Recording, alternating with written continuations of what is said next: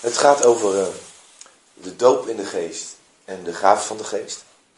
En uh, ik wou eigenlijk beginnen met wat eigenlijk staat voor deel 2, de doop in de geest. En de doop in de geest is iets, daar wordt veel over gezegd, wordt veel over uh, gesproken, wordt veel ook niet over gezegd, maar er, is, er zit een soort, lijkt wel soms een buzz van onbereikbaarheid omheen. Soms wordt het wat abstract. Um, terwijl God ook een heel reëel God is. Ook met de doop in de geest. En ik denk ook dat het goed is om eventjes een beetje de... Uh, hoe zeg je dat? Uh, het is niet zo dat de Heilige Geest ineens kwam kijken in het Nieuwe Testament. Um, alleen was het wel anders. Wat er gebeurde in het Oude Testament was dat de geest viel op iemand. En het was een moment. En dat moment duurde meestal kort, soms wat langer. Bij Mozes zag je dat ook als hij uit de tent kwam, nog steeds het zo heftig was wat er van hem afscheen. Maar je ziet in het Oude Testament dat de geest valt op iemand, de, de, hij profiteert en dan is het daarna over het algemeen weer weg. En dat is eigenlijk, uh, ja, als, als je het Nieuwe Testament ziet, dan komt er ineens een heel ander iets. En dat is eigenlijk voor het volk mind-blowing. Dat is echt verbazingwekkend wat er gebeurt. Want het is een, een volk wat weet, op de happy few, priesters, profeten en per ongeluk soms een koning of een leider valt de geest. Dat was wat er gebeurde. Dat waren de happy few, dat waren de elite geestelijk gezien. Daar viel de geest op. Terwijl ze wisten uit Joel dat de geest, dat was geprofiteerd op alle vleesafval. Maar dat dan, dat nog gebeurt ook, is mind-blowing dat de Heilige Geest, die alleen maar voor de allerheiligsten was in hun optiek, hè, ineens ervoor kiest om niet alleen op mensen te vallen, maar in mensen te gaan wonen. En dan niet alleen op een paar heiligen, maar ineens op alle vlees. En dat was echt, uh, de stoppen gingen er bij sommigen uit. Dat is echt zo, wat gebeurt hier? Gods geest woont in mensen, bekrachtigt mensen. En het zijn niet eens priesters, het zijn niet eens profeten. En wat ik daarvan leer, is dat wij soms ook heel makkelijk omgaan met de doop in de geest. Soms hebben we zoiets, oké, dat is voor iedereen. En soms worden we gedoopt in de geest en we gaan vrolijk verder. Terwijl als je beseft hoe bijzonder dat in het Oude Testament was. En dat nu dat ontzettend bijzondere voor een heleboel mensen is. Je ook een stukje meer van die waarde gaat zien. Van de impact en van hoe ongelooflijk Gods plan daarin is. Dat hij zijn geest verbindt aan jou en mij. Ja, tuurlijk, alsjeblieft, ja. Maar als het, het is verbonden met alle vlees. Ja, dat de, alle vlees wat daar zich naar uitstrekt. Het is beschikbaar voor alle vlees, alleen ze moeten dan wel zich bekeren en zorgen dat, dat, dat Gods geest daar ook ruimte krijgt. Maar is het dan niet zo dat als mensen, ongelovige mensen een geweten hebben of uh, wat dan ook, dat God gewoon ook hun dingen duidelijk wil maken? En dat kan hij toch alleen doen door het geven? Ja, maar ook zit in ons een geweten. En dat geweten kunnen we door ons leven wat scherper, wat minder scherp houden. Maar ook de Heilige Geest kan ons geweten weer scherpen. Dat klopt, maar natuurlijk kan de geest wel iets tegen een, uh, kan, zich, kan zich op zich wel wat communiceren naar een niet-christen. Maar dat, hebben ze dan vaak niet eens door. Maar uh, dat is anders dan dat je gedoopt bent in de geest. Want dopen betekent onderdompelen en er vol mee zitten.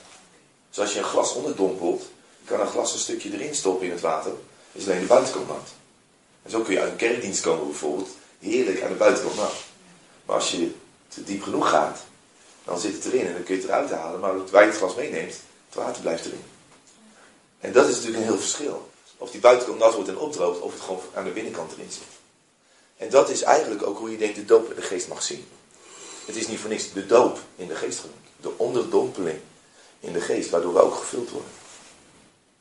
Maar wat ik, wat ik al zei, wat ik daar heel belangrijk in vind en wat ik soms mis, is het respect voor het ongelofelijke dat Gods geest zich aan jou en mij verbindt. En soms maken we daar iets iets van wat met, met alleen maar violen en harpgespeel op de achtergrond. En dat, dat je, dat je eh, heel moeilijk moet doen. Dat is het ook niet. God wil het beschikbaar stellen. Maar het is wel iets ongelooflijk waardevols en bijzonder dat de God die hemel en aarde bedacht en gemaakt heeft door zijn woord, zijn geest aan jou en mij verbindt. En dat een deel van die kracht waarmee die hemel en aarde schiep, in ons is. En dat vind ik heel, heel, heel bijzonder. Nou, de Bijbel laat ons dat zien. Johannes antwoordde bijvoorbeeld in Lucas 3, vers 16. Ik doop u wel met water, maar hij, ging over Jezus natuurlijk, komt die sterker is dan ik, bij wie ik niet waard ben de riem van zijn sandalen los te maken. Hij zal u dopen met de Heilige Geest en met vuur. Daar profiteert Johannes al in uh, Lucas 3, vers 16, dat het gaat gebeuren, dat Jezus de doper in de geest is. En daarmee is voor mij meteen een vraag die je soms ziet. Hè? Er zijn mensen die zeggen, nee, het gaat alleen om Jezus. Het gaat alleen om Jezus.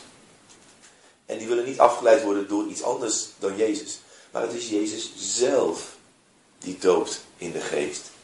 En het is de geest die juist Jezus openbaart. Dus de, de, de, spanning die sommige mensen intern hebben van ja maar Jezus dan, ik moet me toch op Jezus richten. Ja, daar hebben we onder andere de Heilige Geest voor nodig. Dus daar is geen enkele spanning tussen die twee.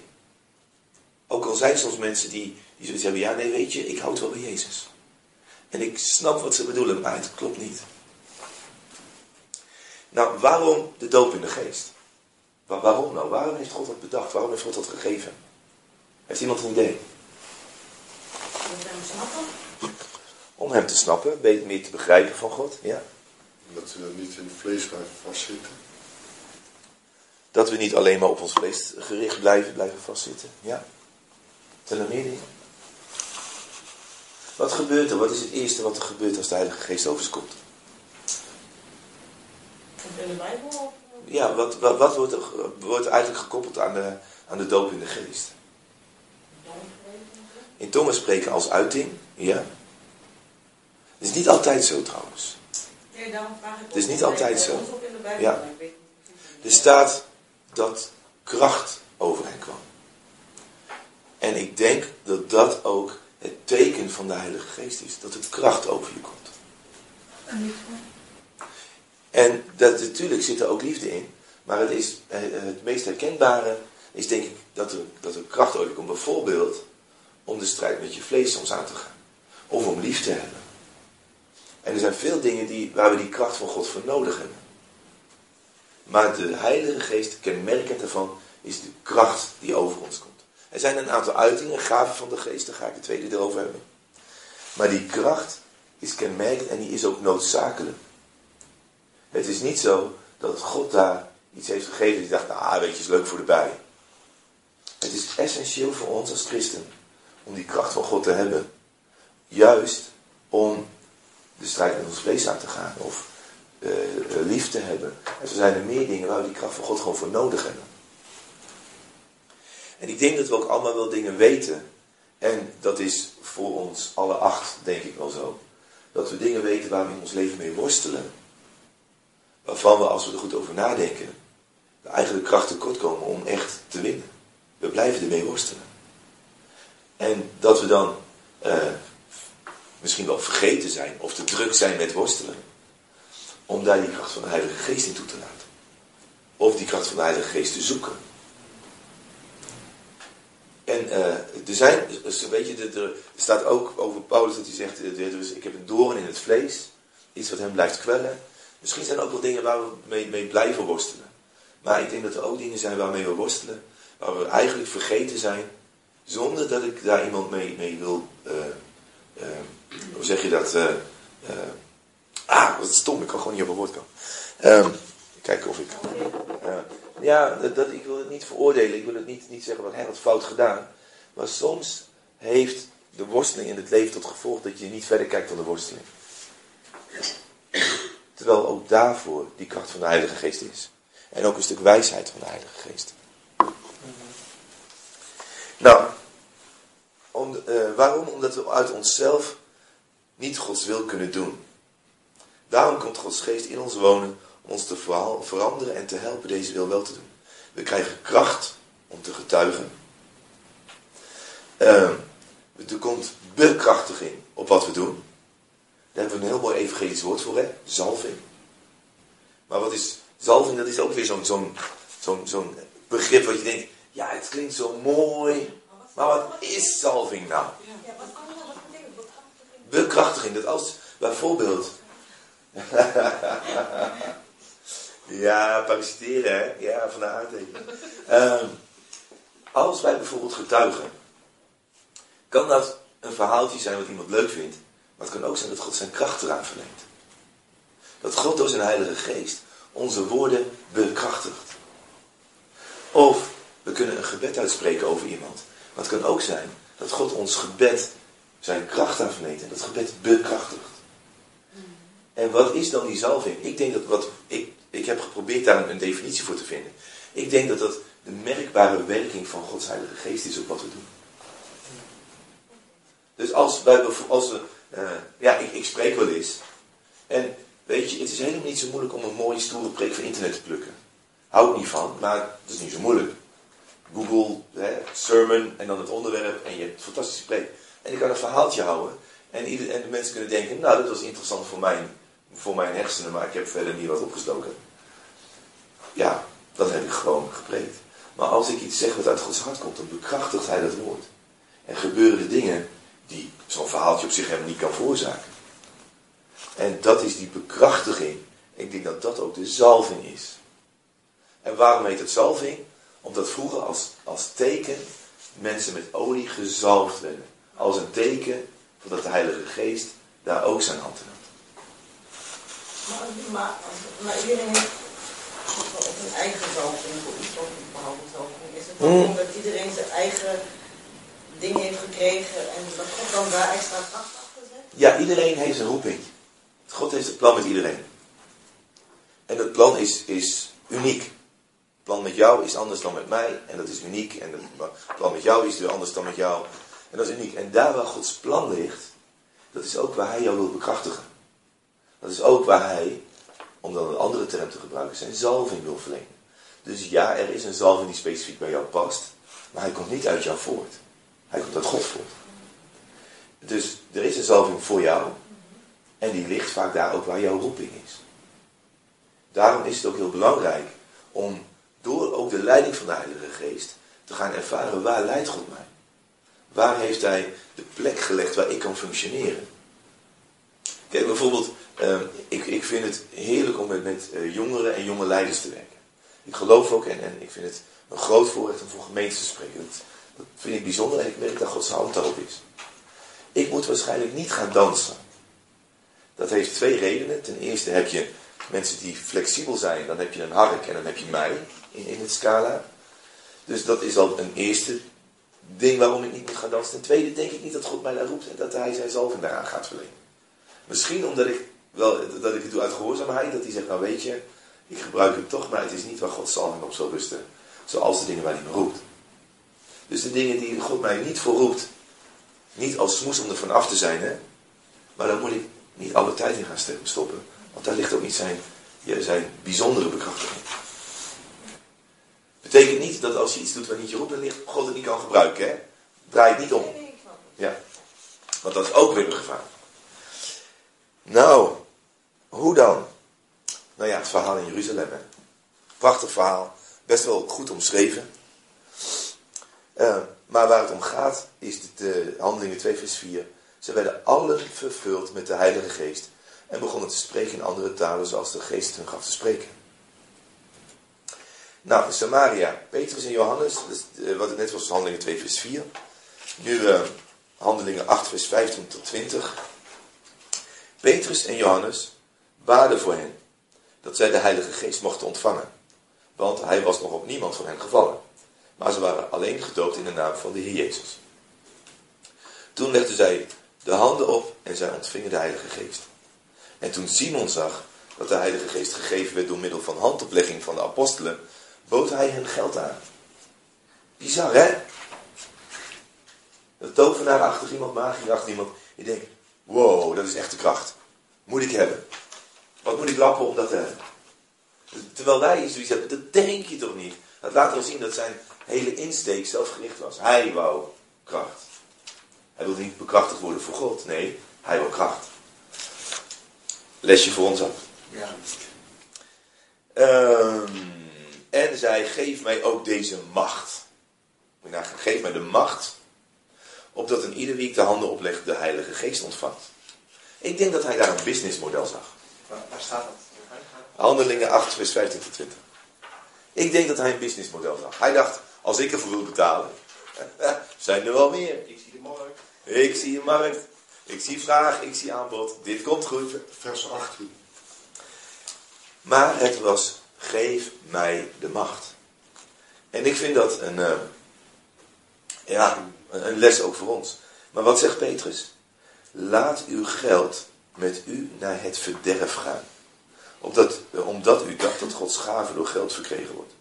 Naar het verderf gaan is een hele nette manier om iets heel lelijks te zeggen. Ja. Go to hell met, met je geld. Dat is wat hij een beetje bijna zegt. Hij zegt, hij, en, maar dat kan ik me voorstellen. Want wie haalt het in zijn stomme kop om te denken dat God te koop is met zijn kracht? Dan ben je toch wel op een heel ander niveau bezig dan waar God ergens is. Het, het, stommiteit. Maar goed, hij dacht, ik heb die macht nodig. Lesje voor ons. Caesarea, wat er gebeurt. Handelingen 10, 44, 47. Terwijl Petrus deze woorden nog sprak, viel de Heilige Geest op allen die het woord hoorden. En de gelovigen die van de besnijdenis waren, dus de Joden, zoveel als met Petrus waren meegekomen, waren buiten zichzelf dat de gave van de Heilige Geest ook op de heidenen uitgestort werd. Want ze hoorden hen spreken in talen, tussen haakjes in tongen, en God groot maken. Even kijken. Wij gebruiken die term niet zo vaak, dat je buiten jezelf bent. Maar buiten jezelf, bijvoorbeeld, eh, ik weet niet of je dat ooit gezien hebt, die opname, dat de Beatles voor het eerst in Nederland kwamen. Ja, En ja. dat de meisjes buiten zichzelf waren. ja?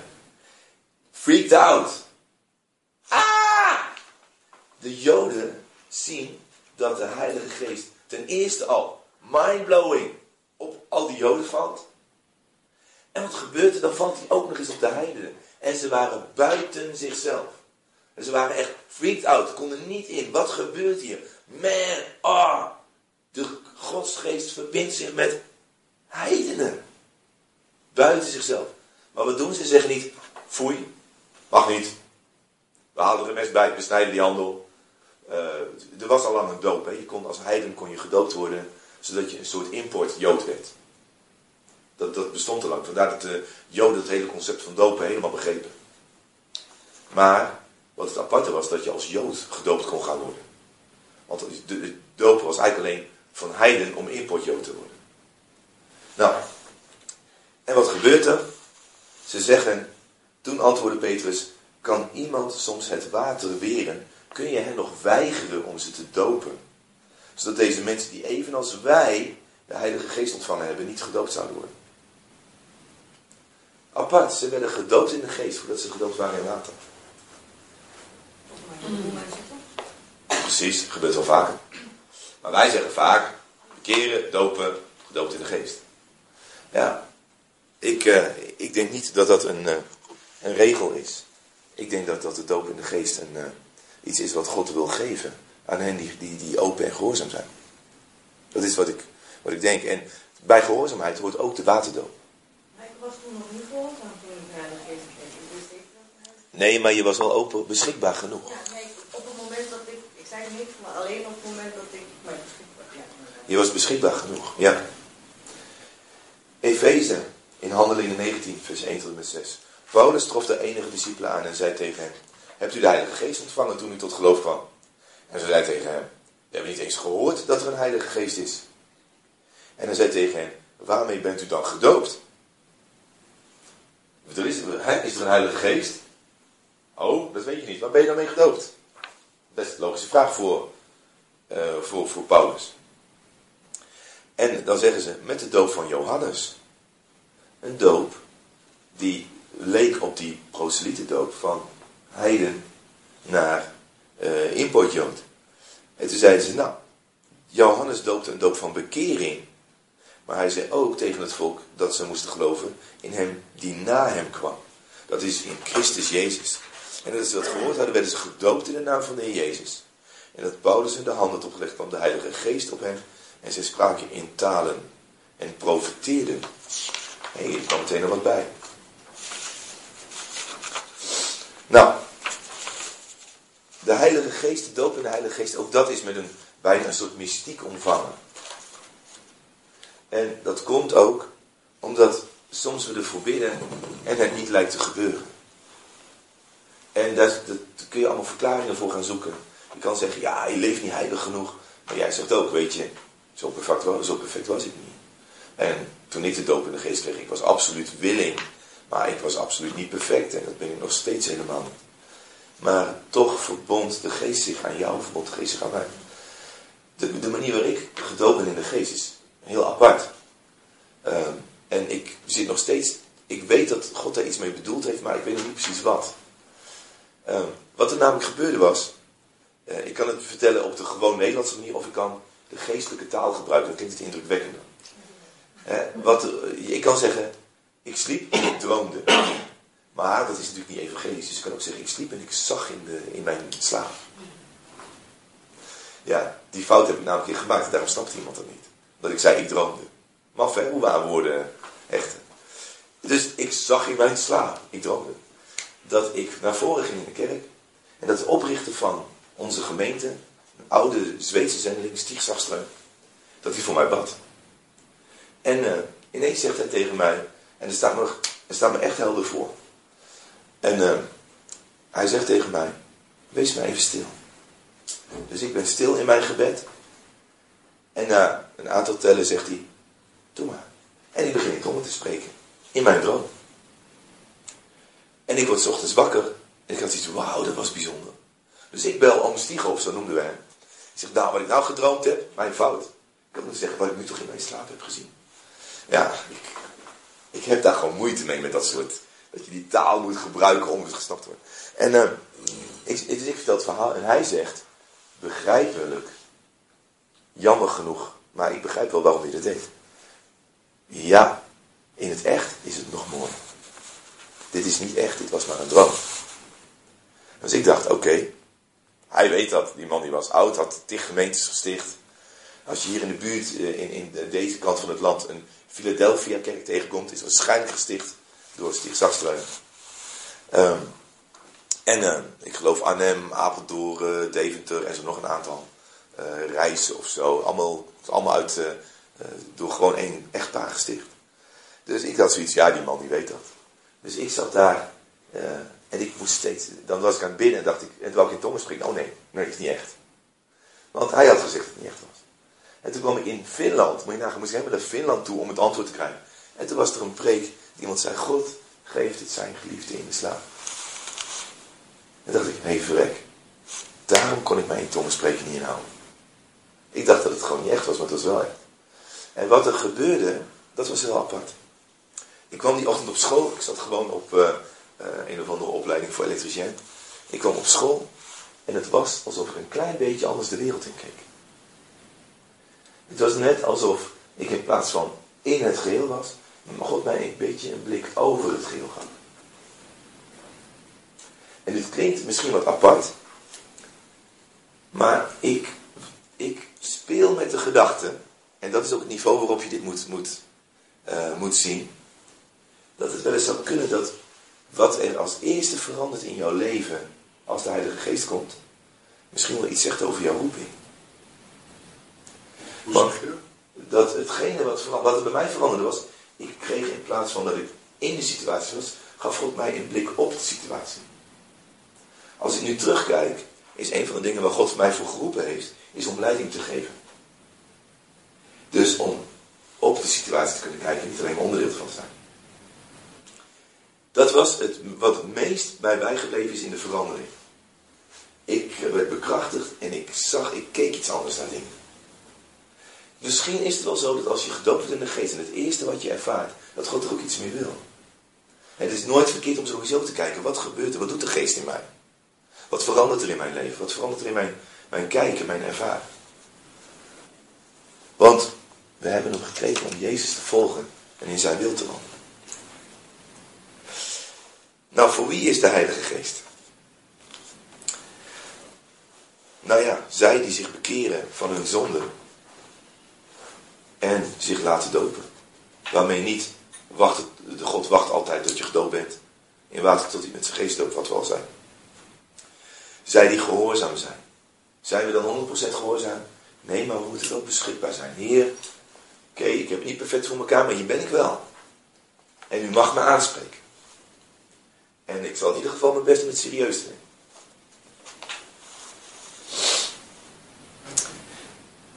En zij die ernaar verlangen.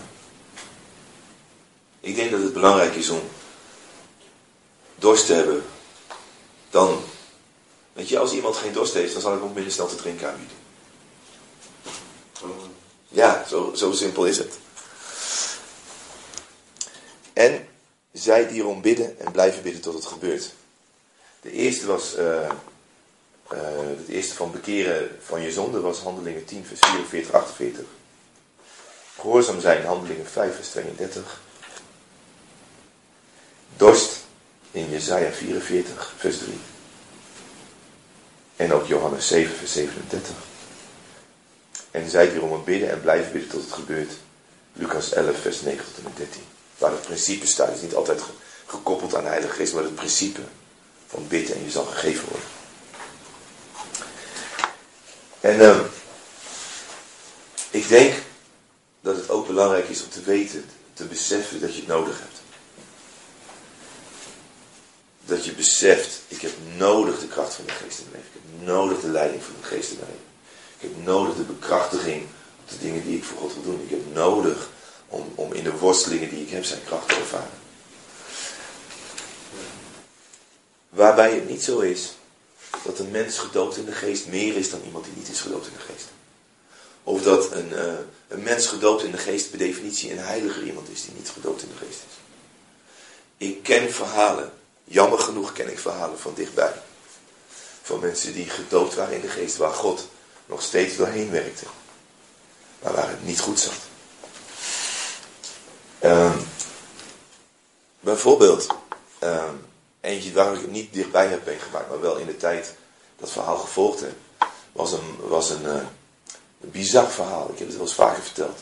Een, een zekere broeder Popov. Dit is het, meest extreme verhaal dat ik ken. Die man, die had door Amerika heen, uh, had hij diensten. En daar werden mensen genezen, kwamen mensen tot geloof. Maar er was een man, um, ik ben even zijn naam kwijt, Randy, nog wat. En die dacht, dit is, dit is te, dit is te, was niet een christen. Dit is te, dat is ook de man die Yuri Geller heeft ontmaskerd, diezelfde man. Uh, en die zei, dit is te. Dus wat is hij gaan doen? Die is naar die diensten gegaan.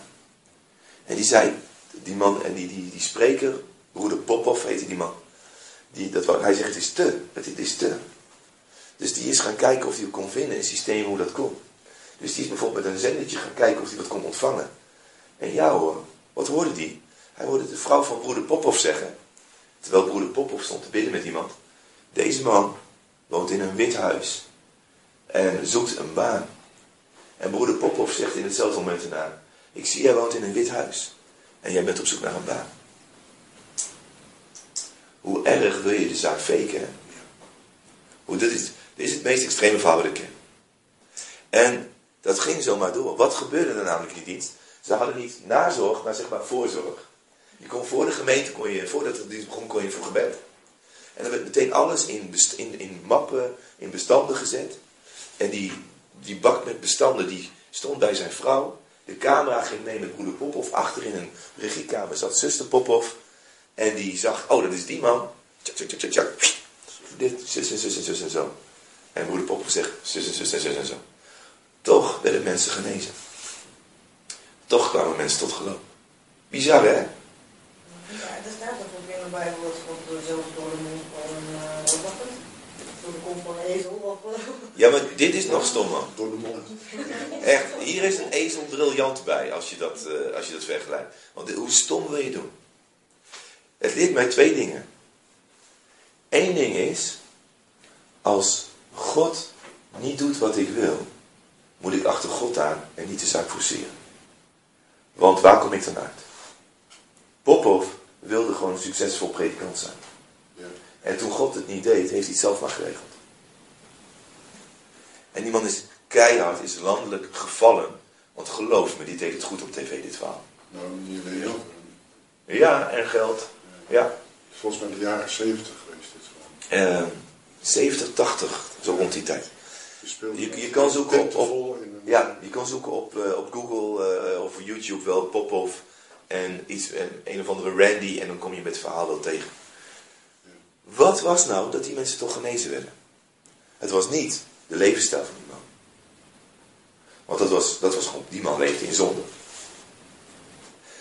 Wat er gebeurde was dat God niet die man bevestigt, maar God bevestigde zijn woord. Ja. Ja. God bevestigde zijn woord. En niet die man. Dus als jij iemand op het podium ziet staan. En jij ziet daar wonderen gebeuren. Is dat niet een bevestiging van de levensstijl van die man. Is het een bevestiging dat als wonderen gebeuren dat God leeft en krachtig is. Als God door mij heen werkt. Betekent het niet dat ik fantastisch en perfect ben. Maar dat God fantastisch en perfect is. Maar er is wel een verschil.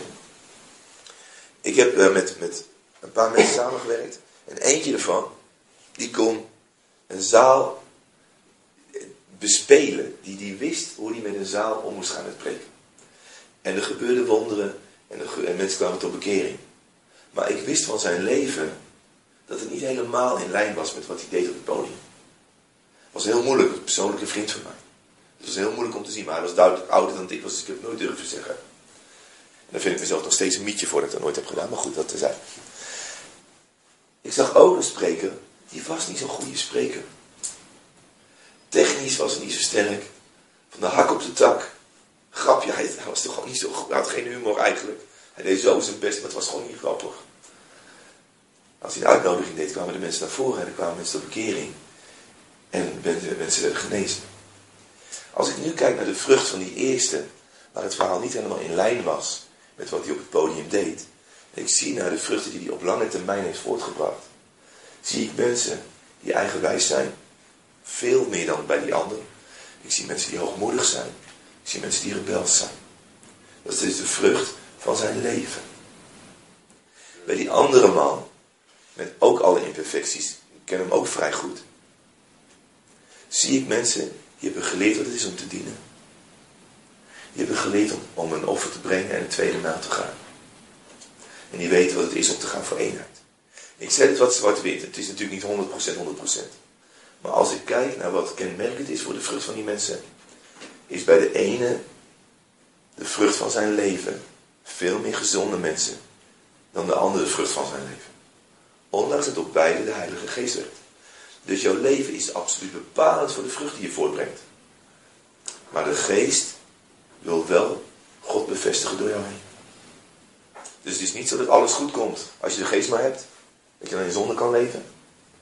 Het heeft effect. Dat wil ik, eh, ja. Dus, dus het hangt eigenlijk van Christian af, wat, wat voor leven ik ga leiden. Nee, want het is ook jouw keuze of je toelaat of niet. Ja, maar dan nog als ik het toelaat dan, hè? Ja, ja. Dan, dan is het dus, Eh, het eh, van hem Ik heb, weet je, jij en ik, en jij en jij en jij, we hebben allemaal invloed. Ja, nee, dat, maar dat is En als ik achter een leider aanga, waarvan ik eigenlijk weet, het zit niet helemaal lekker, maar het is wel lekker makkelijk. Want dat is wat er gebeurde. Hij vond dingen wel goed die eigenlijk je niet goed kon vinden. Terwijl mensen wel onder zijn verantwoordelijkheid stonden. Bijvoorbeeld er was een regel, je mag geen alcohol drinken in dat jaar dat je je toewijdt. Hij nodigde mensen bij zichzelf uit en ging samen met zijn wijntje drinken. Dat soort dingen. Nou, dat heeft tot effect gehad. Dat hij, dat hij, wat heeft hij ze geleerd? Ja, je bepaalt het lekker zelf.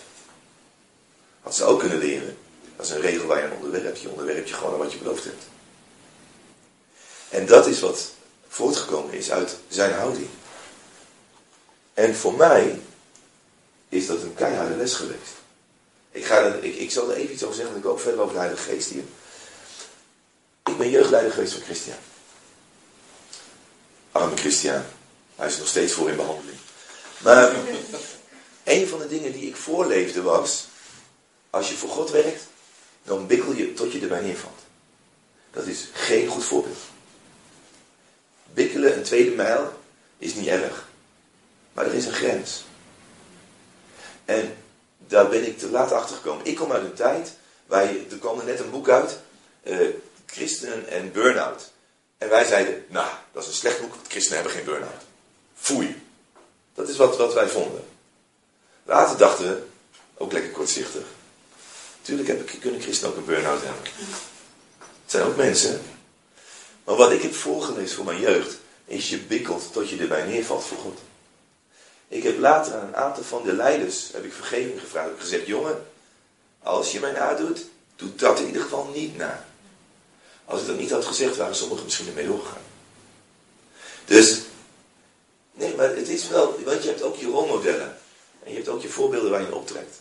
En soms is dat veel minder bewust dan je door hebt. alleen Jezus is, geloof ik dat ook met die andere, andere voorbeeld, als een slecht iemand dan nog gaat God laten zien. Dat klopt. Wat hij zegt klopt niet. Dat, is dat klopt. Maar de Bijbel zegt ook, dat, dus daar zegt, een van de schrijvers zegt, volg mij na. Zoals ik Christus navolg. Dat we ook, we mogen ook voorbeelden zijn. En we zijn het ook. Wij zijn zijn handen en voeten. Wij zijn zijn zichtbare lichaam. Ja, maar omdat wat jij net zegt...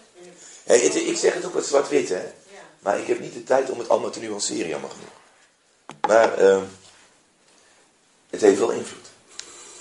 Het heeft wel invloed. En het is niet zo dat we daarmee dan, oh, daarmee het goed of fout gaat, dat het zo sterk-diesel is. Maar het heeft wel invloed. tegelijkertijd mag je het als volgende nooit gebruiken als smoes. als smoes voor je eigen verantwoordelijkheid. Ja. Ja, dat is ook nog.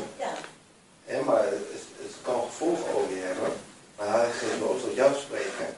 Niet om die leider aan te kaarten, maar om wat ongezond is in die leider. Dat kan wel bij jou iets raken. maar daar mag jij je wel van bekeren. En dan gaat het, gaan die gevolgen niet doorwerken in je leven. Je bent zelf verantwoordelijk. Dus je mag het nooit als excuus gebruiken. Maar de reden waarom ik het wil zeggen, is uh, jouw leven, de manier waarop jij je leven indeelt, brengt ook zijn vrucht voort. En, en de Heilige Geest wil door ons werken, wil ons bekrachtigen. Maar alleen dat de Heilige Geest op ons is, is niet genoeg om goede vrucht voort te brengen. Het is een combi van een, een leven wat beschikbaar is met de kracht van de Heilige Geest. Alleen de kracht van de Heilige Geest zal niet de vruchten voortbrengen die we eigenlijk willen zien. Dat is, ik wil aanstippen dat er onze eigen verantwoordelijkheid is er nog steeds, ook al is de Heilige Geest op ons. Wij hebben nog steeds de verantwoordelijkheid. Hoe, zwaar de geest ook op ons rust. Hoe, zelfs al lijkt het bevestigd te worden door wonderen en tekenen. Um, nou, wat moet ik doen? Even kijken.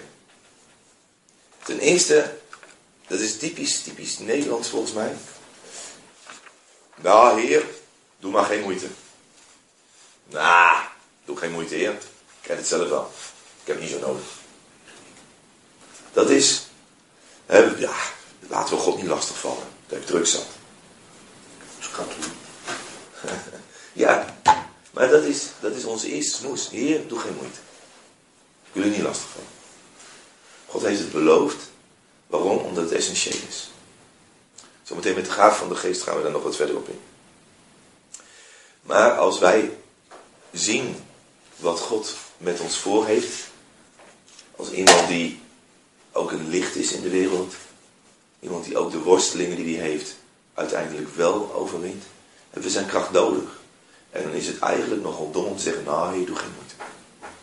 Ja, laat maar zitten. Denk niet, het is niet voor mij.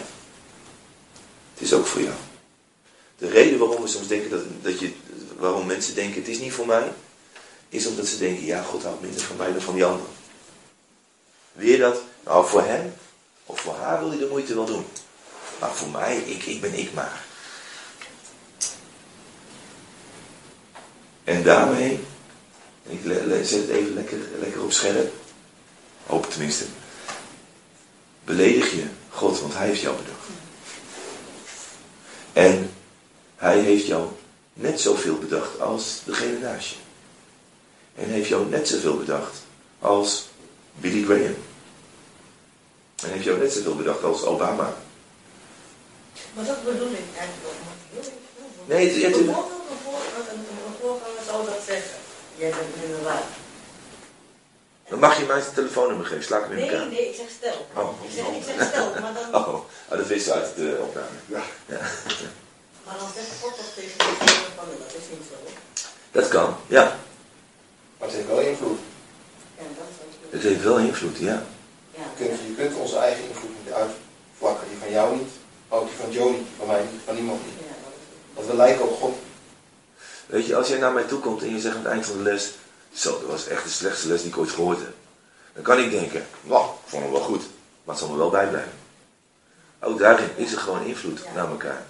Uh, en natuurlijk kun je die invloed meer en minder toelaten, maar het heeft wel wat invloed. Uh, maar goed, wat ik wel echt. Uh, de leugen van dat iemand anders de geest meer waard is dan, dan jij. Want we zijn allemaal evenveel door God bedacht. En gisteren heb ik bij de leiders het gehad over gemeente zijn. En, maar vaak komt het voort uit dat we het ook. God denkt vanuit relatie. Wij denken veel meer vanuit organisatie, zeker in het Westen. God denkt alleen maar vanuit relatie. God heeft een gezin, dat gezin is deel van een stam, stam is deel van een volk. Dat is hoe God denkt in relaties. De Heilige Geest is er voor die relatie met God ook. Dat is niet dat God denkt, nou, ik heb daar een stelletje werknemers. Ja, die moet eigenlijk wel een, uh, een, een, een, uitrusting hebben om te kunnen functioneren. Weet je wat, ik geef de Heilige Geest. Nee, God denkt, daar is mijn kind. En ik wil de relatie met mijn kind wil ik versterken, wil ik bekrachtigen en ik wil mijn kind bekrachtigen. Ik geef hem mijn geest. Dus hij wil zijn geest over zijn kinderen uitstorten. En wij blijven soms hangen bij dat we een werknemer zijn van God of een volgeling van God. Maar zijn kind komt wel dichtbij, want dan, ja, dan zou hij mij zelfs accepteren. En ik weet hoe ik in elkaar zit. Dus waarom zou God mij accepteren? Ik, ik ben ik maar. En even voor alle duidelijkheid, dat heeft bijna iedereen als hij in de spiegel kijkt. Dat hij denkt, wow, dat, daar zie ik nog wel verbetering. Heel soms denk ik, als ik in de spiegel kijk, Hmm, volgens mij is de spiegel kapot. In het echt ben ik veel knapper. Maar... Het staat een geweldige vent Ja, ja, in de spiegel laten definitie. Dat snap ik niet zo goed. Maar de Heilige Geest wil God geven aan zijn kinderen. Omdat hij van ze houdt en een doel met ze heeft. Het is niet zodat zijn werknemers beter beslaagd zijn zo. Vergeet dat nooit. Dat is een soort van uh, aardse uitleg, een aardse verwarring die dan op je rust, als je het zo zegt. Ja, het, het is... Hier hebben ze een reden voor om jou uit te buiten of verwarren of wat ook. Ja. En die heeft hij niet, wij zijn Gods kinderen. Precies, precies. Soms geef ik mijn kinderen ook gewoon iets gewoon, omdat mijn kind is. Ja. En ik gun mijn kinderen het beste. Waarom? Het zijn mijn kinderen notabene. Ja, tuurlijk. En toch vinden we het moeilijk om zo naar God te kijken. En ik denk dat een van de dingen die de Heilige Geest wil doen, is ons laten groeien in dat kindschap. Want als Hij nou Jezus voor ons openbaart en de Vader openbaart, dan gaan we ook meer die relatie zien. En dat, dat klinkt van, oh dan wordt het makkelijk. Nee, ook dat is een weg van ontdekking. Maar het is wel ook daar waar de Heilige Geest helpt. Ja, wat zeggen? Nou, daar zeg je het precies, dat je zeg maar, met je kind die relatie aanhaalt. Zo ziet God ons ook. Dus eigenlijk leer je dan van je kind hoe God ons dan ziet. Dat je begrijpt van zoals ik naar mijn kind kijk. Dat was mijn grootste openbaring. toen, ik, toen, ik, een kind kreeg, ja. ik dacht, verrek. Wow, wow, wow. Dus dit is hoe God naar mij kijkt. Nee, dat kan niet. Dat kan niet. Ja, dat is echt zo. Nee, dat kan niet. Nee, nee, nee, nee. nee. Verrek, het staat er wel. Dat was bij echt, toen ik vader werd als eerste. Eerst ik dacht, wow. Dat was, was voor mij echt, dat was voor mij mindblowing. Ik dacht, dit is beter. Ook nog. Nog beter. Ja, nog beter. Maar ik kon... is al lastig. Ja, dat kon ik al niet... Zeggen, hoeveel te meer. Ja, en dat, op dat niveau kon ik al niet bevatten dat God dat van mij zei. Maar daar zit het wel. En die onbevoorbeeld, onbevoor, onbevangenheid die je kind heeft, ja. die is dan zo openbarend, zo van, Dat is wat God ons verlangt. Over onbevangenheid. Kleine illustratie. Uh, ik had het gigantische voorrecht om te mogen spreken op een skibeek. Het was wel vaak spreken, maar ik mocht gratis mee. Dus nou, ik doe niet moeilijk, dus je, de waren gezin mee, hè. En Jan, ik vond het zo leuk en hij was zo onbevangen, dat tijdens mijn laatste pastorale gesprek, hij, en het was een gesprek van nog geen tien minuten, hij vijf keer is komen vragen, tijdens het gesprek, of we volgend jaar weer ging. Zie je het voor je? Ik sta er heel serieus gesprek met iemand te hebben, en ineens voel ik, ja, kun je op die lijst die daar ligt, kun je onze naam opzetten? Ja, denk je weet en nu even niet. Nog geen twee minuten later. Dat is hoe onbevangen een kind is. En ik kon ook niet boos op hem worden, want het was ook wel heel schattig dat hij zo leuk had gevonden. Dat hij weer wou. En gewoon wat ik echt denk, hè. Soms doen wij iets en dan denken we naar God toe en dan denken we, oh nee, dat was echt dom. En dan denk ik, God, dat vind ik echt best schattig. Ik denk dat God ook soms zo kijkt. Ah, dat is gewoon schattig wat ik niet doe. Het is niet slim, maar wel schattig. Ja, tuurlijk. Want ik voel me altijd een heel groot kind.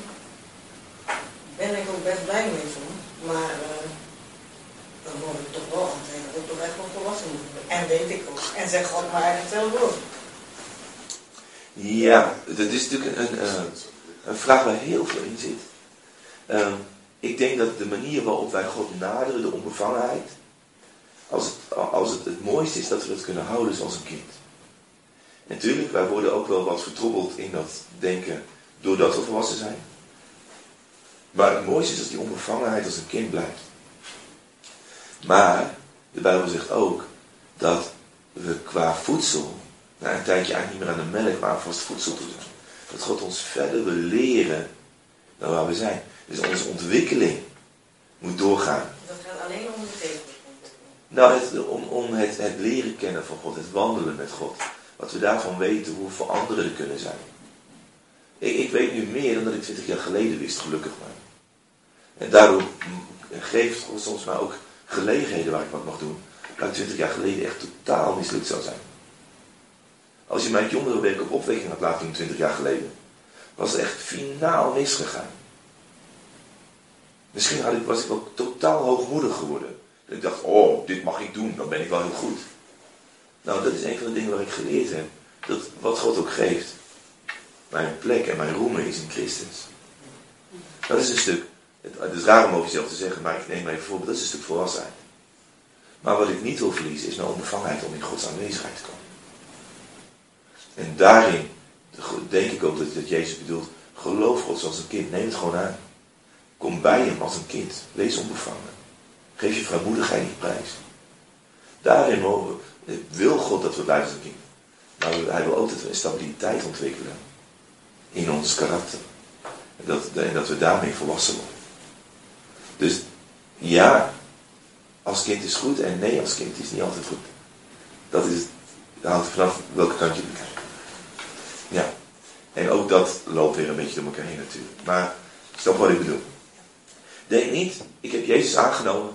Er staat dan zijn we verzegeld hè, met de Heilige Geest als een zegelring.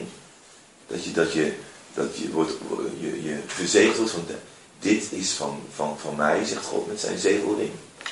Dat is niet de bekrachtiging. Nee, dat is dat je bij hem hoort. Dus dat je, dat je je bekeerd hebt, betekent niet dat je ook automatisch gedoopt in de geest. Je bent toch bekeerd, dan heb je toch de geest. Ja, je bent verzegeld met de geest, zegt de Bijbel. Je bent niet ondergedompeld in de geest. En dat is een verschil. Dat is niet de bekrachtiging, maar dat is een soort in de geestelijke wereld een merkteken. Jij bent van Christus. Dat is een ander niveau van de werking van de geest je leven. En als je gedoopt wordt, of je denkt ik wil gedoopt worden in de geest, dat je naast iemand gaat staan die in tongen spreekt en denkt, nou, doe ik gewoon na. Dat werkt niet. Nee. Dat is hetzelfde als dat je probeert iemand die in het Russisch uh, aan het praten is, dat je denkt, ik praat hem gewoon na. Nou, elke gemiddelde Rus zal je zal zeggen, nou, dat gaat niet echt ergens over. Hè. Het, is, het werkt niet. Het is niet wat God jou wil geven. Het is gewoon, je doet iemand na en God wil jou zijn, zijn, zijn taal geven. We gaan zo meteen op Thomas spreken. Als je Amerikaan Nederland, Nederlands hoort spreken. Blijf leuk. Ja, blijf leuk. Wat wel. Ik denk dat het goed is als, als je denkt, ook hè, ik heb het niet alleen over mensen die nog niet, nog nooit gedoopt zijn in de geest. Maar ook als je merkt, ik ben ooit gedoopt in de geest, maar het lijkt wel als ik droog sta. Ga, laat gewoon voor je bidden. Ga naar mensen toe en zeg, ik heb opnieuw nodig gedoopt worden in de geest. De Bijbel geeft aanleiding om, daar, om het gewoon vaker te vragen, je wilt er me onderdompelen. Wilt er mij ook nieuw vullen. Niet dat die doop in de geest dan, dat die niet meer geldt, maar wel dat de verfrissing kan zijn. En ook daarin, eh, soms is de worsteling of de moeite van het leven maakt dat we daar meer op gefocust zijn. Dan hoeven we gevuld zijn met God. En we hoeven ook niet 24 uur per dag na te denken, oh, oh zit ik nog op 100%, oh, oh. Nee, dat mag gewoon deel van je leven worden, gewoon in je leven. Maar als je merkt, ik sta droog, dat je ook terug gaat, toe gaat naar mensen van je merkt, daar werkt God doorheen. Daar werkt God doorheen. Weet je, het, klinkt wat maf, we hebben op opwekking, hebben we zaterdag, begin van de middag, vragen we Jan Sjoerd Pasterkamp om te spreken over eh, de Heilige Geest en de doop in de geest. Worden ontzettend veel, soms honderden gedoopt in de geest. En dat is niet alleen omdat ze dorstig zijn, want dat zijn ze. Het is niet alleen omdat ze uh, uh, open zijn, want dat zijn ze. Maar het is ook omdat er daar een, een moment is waarop God ook die specifieke zegen aan het uitstorten is. Soms zie je een moment voor een dienst, Gods geest aan het werk. Nou, dat, dat kan ook zijn dat je denkt, nou weet je, ik zie Gods dynamiek, ik wil daar ook met wat, dat God opnieuw vult in die dynamiek. Soms herken je er wat van. Dat heeft niks te maken met sfeertje, heeft niks te maken met de juiste akkoorden op een piano. Het heeft gewoon te maken met dat God op dat moment aan het werk is. En soms helpt dat gewoon mee. Is dat net genoeg om het eventjes, het, het uh, dubbeltje op zijn kant te laten omrollen de goede kant op. Dat is onhandig gezegd, snapt wat ik bedoel. God heeft het beloofd. En je mag in alle openheid daarna blijven vragen. Gebeurt het niet, wees niet gefrustreerd. Maar zeg, Heer, ik blijf gewoon voor u verwachten. Want ik wil verbonden zijn met uw geest. Ik wil verbonden zijn met uw kracht. Ik wil verbonden zijn met de geest die mij leert, helpt, beschermt om te wandelen in het plan wat u voor mij heeft. In het kindschap. En ook als anderen jou vragen over de Heilige Geest. Weet je, maak niet een apart verhaal. Want het gaat om dat Jezus geopenbaard wordt en de Vader gekend wordt. En, en daardoor het kindschap in ons leven vorm krijgt. Bekrachtigd. Zijn er nog vragen? Als dat niet zo is, stel ik even een plas, drink, kletspauze voor. En dan gaan we zo meteen verder met uh, de gaven van de geest. Ja?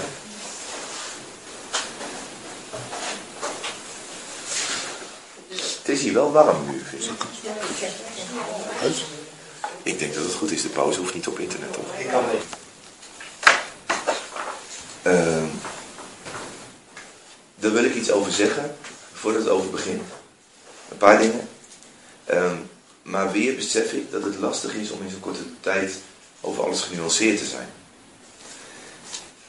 Het was al mind-blowing dat de geest zich wou verbinden aan niet alleen priesters. Want al, dat was al mind-blowing, dat de almachtige God zich sowieso met de mens verbond. Dat hij ervoor koos om uh, zich te verbinden aan gewoon zijn hele volk. Persoonlijk. Dat, dat niet alleen, en dat was al uniek, dat de 70 oudsten hadden Gods stem kunnen verstaan. In de, in de woestijn, het Mozes zei, neem ze mee de berg op en ik zal spreken zodat zij horen dat ik tot jou spreek. En ook de 70, uh, de 70 leiders van het volk gingen profiteren. Maar dat dus niet alleen God zich wil verbinden aan die mensen, maar dan ook daar krachtig doorheen wil werken. Het is dus zo dat de eerste plaats de geest aan ons gegeven wordt om zijn zijn, uh, om, om hem te verhogen, hem te doen kennen, ons kindschap daarin ook plaats te geven. Dat is wat het voor ons is. Maar het gaat verder. Het gaat ook zo ver dat ook door ons heen God zichzelf door de gave van de geest wil openbaren. En ook daar gaat het om God en niet om ons. Weet je, die gast die dus geld wil bieden, ging om hem. Terwijl God zegt, nee, ik wil mij openbaren door mijn geest. Ook door mijn kinderen. Maar ook daarbij ehm, is het niet zo dat het losstaat van jouw leven. Ehm, ik uh, was een keertje bij iemand die uitleg gaf over profetie. En toen vroeg iemand, en was een bijzondere profeet, die man die vertelde bijvoorbeeld, uh, hij was op opwekking afgelopen jaar, die John Paul Jackson. En daar, uh, daar vertelde hij bijvoorbeeld dat hij in de auto zat. En hij, hij reed gewoon en God zegt, sla rechtsaf. Hij zegt, maar heer, dat is om. Sla maar rechtsaf. Ja, maar heer, ik moet rechtdoor. Sla maar rechtsaf. Hij had tegen die tijd al geleerd dat hij maar beter kon luisteren. Dus hij staat rechtsaf en voor hem reed een grote vrachtwagen met, met uh, een of andere grote reclame erop.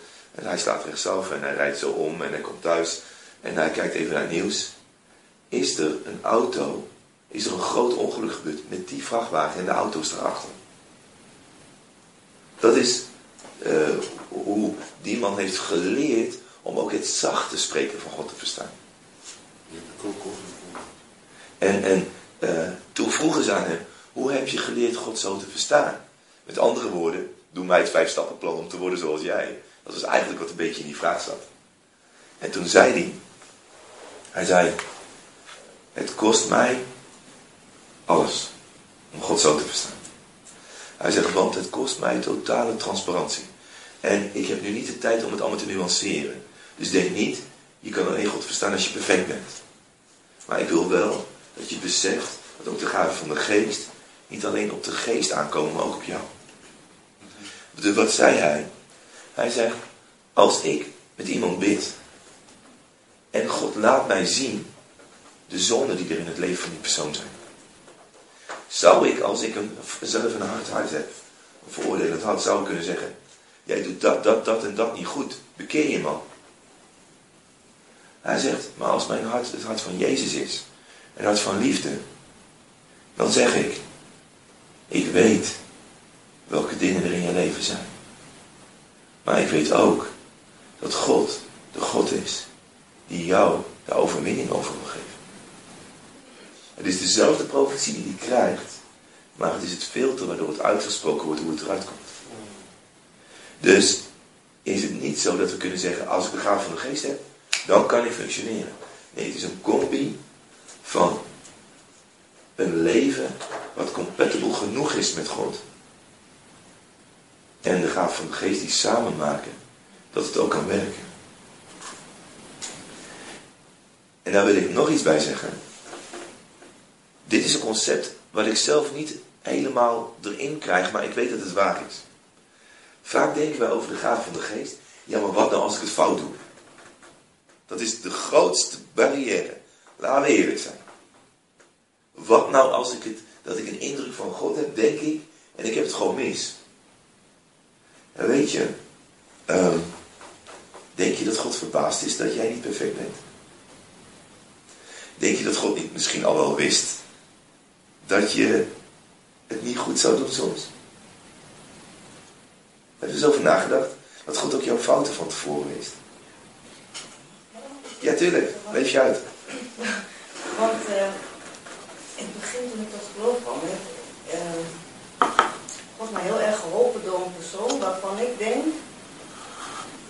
dat het niet klopt, uh, dat het niet de bedoeling was dat zij het op die manier, het veel te hard, zeg maar. Ja. Zonder liefde. En dan denk ik, het staat in de Bijbel dat je niet zo moet doen en dat het dan niet werkt. Dus ook zegt. Maar Ja. toch denk ik, God heeft, wat ik niet zie, God heeft dat gebruikt. Dat stukje van haar wat Ja, dat kan. is, Omdat ik dat nodig had. Ja. Weet je wat een van Gods kernkwaliteiten is? Hoe krom de stok ook is, hij kan er recht mee slaan. Dat staat ook op mij. Ik ben ook een kromme stok. En toch lukt het God om daar recht mee te slaan. En hoe die het doet, ik heb geen idee. Maar hij komt ermee weg op een of andere manier. En daarmee is onze hartshouding belangrijker dan hoe ver we gegroeid zijn. Hoe bereid we zijn om. Hoe bereid we zijn om te luisteren naar wat hij zegt. Want stel nou dat ik, dat mijn zelfbeheersing bijna perfect is. En ik ben heel geduldig. En ik ben heel gastvrij. Hè? Ik noem maar even dingen die het heel goed doen in de Bijbel. Maar van binnen ben ik eigenlijk arrogant. Dat vind ik zelf erger. Dat ik misschien niet altijd gastvrij ben. Maar ik wil het wel leren. Ik ben misschien altijd geduldig. Maar ik wil het wel leren. Niet om mij. Maar gewoon om te kunnen helpen. Te kunnen dienen. Ik, ik zeg altijd in leiderschap. Iemand die alles kan maar stond eigenwijs is. Dat is een groot gevaar. Iemand die nog niet zoveel kan maar wil leren. Met een goede houding. Die kun je alles leren. En dat, zo denk ik dat God ook kijkt. Iemand met een goede houding kun je alles leren. Dat komt wel goed als die houding maar goed blijft. Iemand die denkt dat hij het kan. Oh. En dat, soms moet ik ook tegen mezelf zeggen. Heet Joe, uh, roemen in Christus en dat was hem. Maar, maar het kan toch ook zijn dat God juist die hoogmoed bijvoorbeeld gaat gebruiken voor iemand die dat nodig heeft op dat moment. Maar dat was een beetje... Nou, hoogmoed is niet iets wat God nou heel vaak gebruikt, denk ik. Dat, meestal loopt het met hoogmoed gewoon niet goed af. Weet je, ook, ook, al doe ik het, het kan zijn dat ik bijvoorbeeld uh, niet tactisch ben, maar het wel goed bedoel. Daar kan God meer mee dat ik tactisch ben, maar hartstikke hoogmoedig en arrogant. Want daar krijgt God niet de ruimte. Daar wil ik de ruimte. En ook in de gave van de geest, God weet ook wel dat we daar niet perfect in zullen zijn. Er staat in de Bijbel dat ons profiteren onvolkomen is. En toch vraagt God ons te profiteren.